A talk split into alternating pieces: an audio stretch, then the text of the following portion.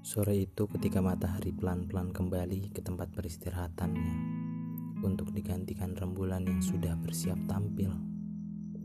Aku sedang berjalan sendiri di sebuah jalan yang nampaknya asing bagiku. Jalan yang begitu suram dengan banyaknya bangunan dan bekas peluru di temboknya. Aku mencium aroma amis yang diantarkan angin ke arahku. Seakan desir angin sayu membisik tentang kota yang suram ini. Ketika hari mulai gelap, aku melihat seorang gadis kecil dengan roti gandum di genggamannya. Dengan senyum yang begitu tulus dia menawariku. Apa kau mau roti ini? Kau bukan penduduk sini kan? Karena aku tidak pernah melihat wajahmu. Tanya gadis itu sambil menyodorkan rotinya kepadaku. Iya nak, bagaimana mungkin kau mengingat setiap wajah di kota ini? Tanyaku kepadanya. Aku memang tidak begitu hafal dengan setiap pria di kota ini. Namun tidak tidak ada pria sepertimu dengan celana jeans, sepatu boots, kunci mobil yang tergantung pada celana, dan mantel yang hangat karena orang sepertimu tidak mungkin ada di kota ini. Begitu penjelasannya.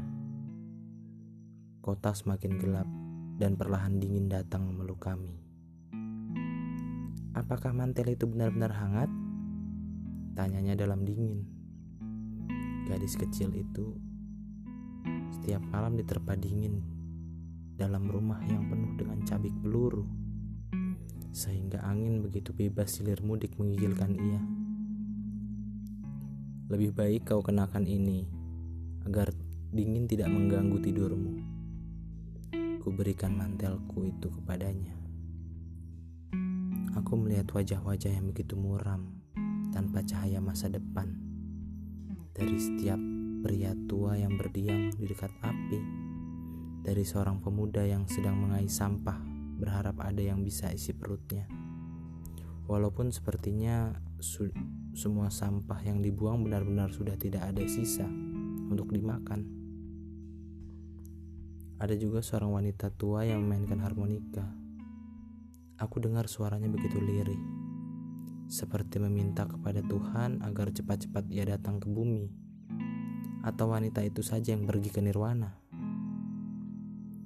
Bulan sepertinya sengaja bertahan di langit, tidak mau digantikan mentari yang juga ingin tampil di kota yang suram itu. Aku melihat gadis itu tersenyum dalam tidurnya.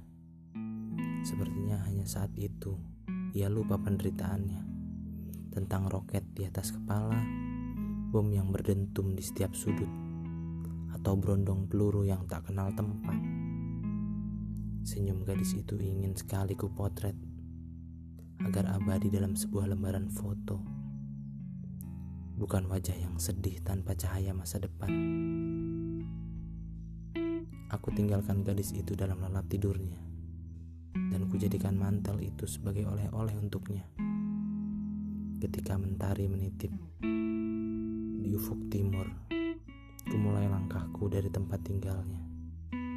Ditemani sinar sang surya, aku melangkah dan menjauh dari kota itu.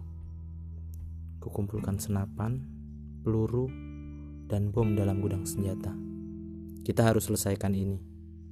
Sambil kusulut korek di tanganku dan kubakar gudang itu. Komandan! Seluruh pasukanku berteriak. Sekuntum bunga di antara dinding-dinding kota.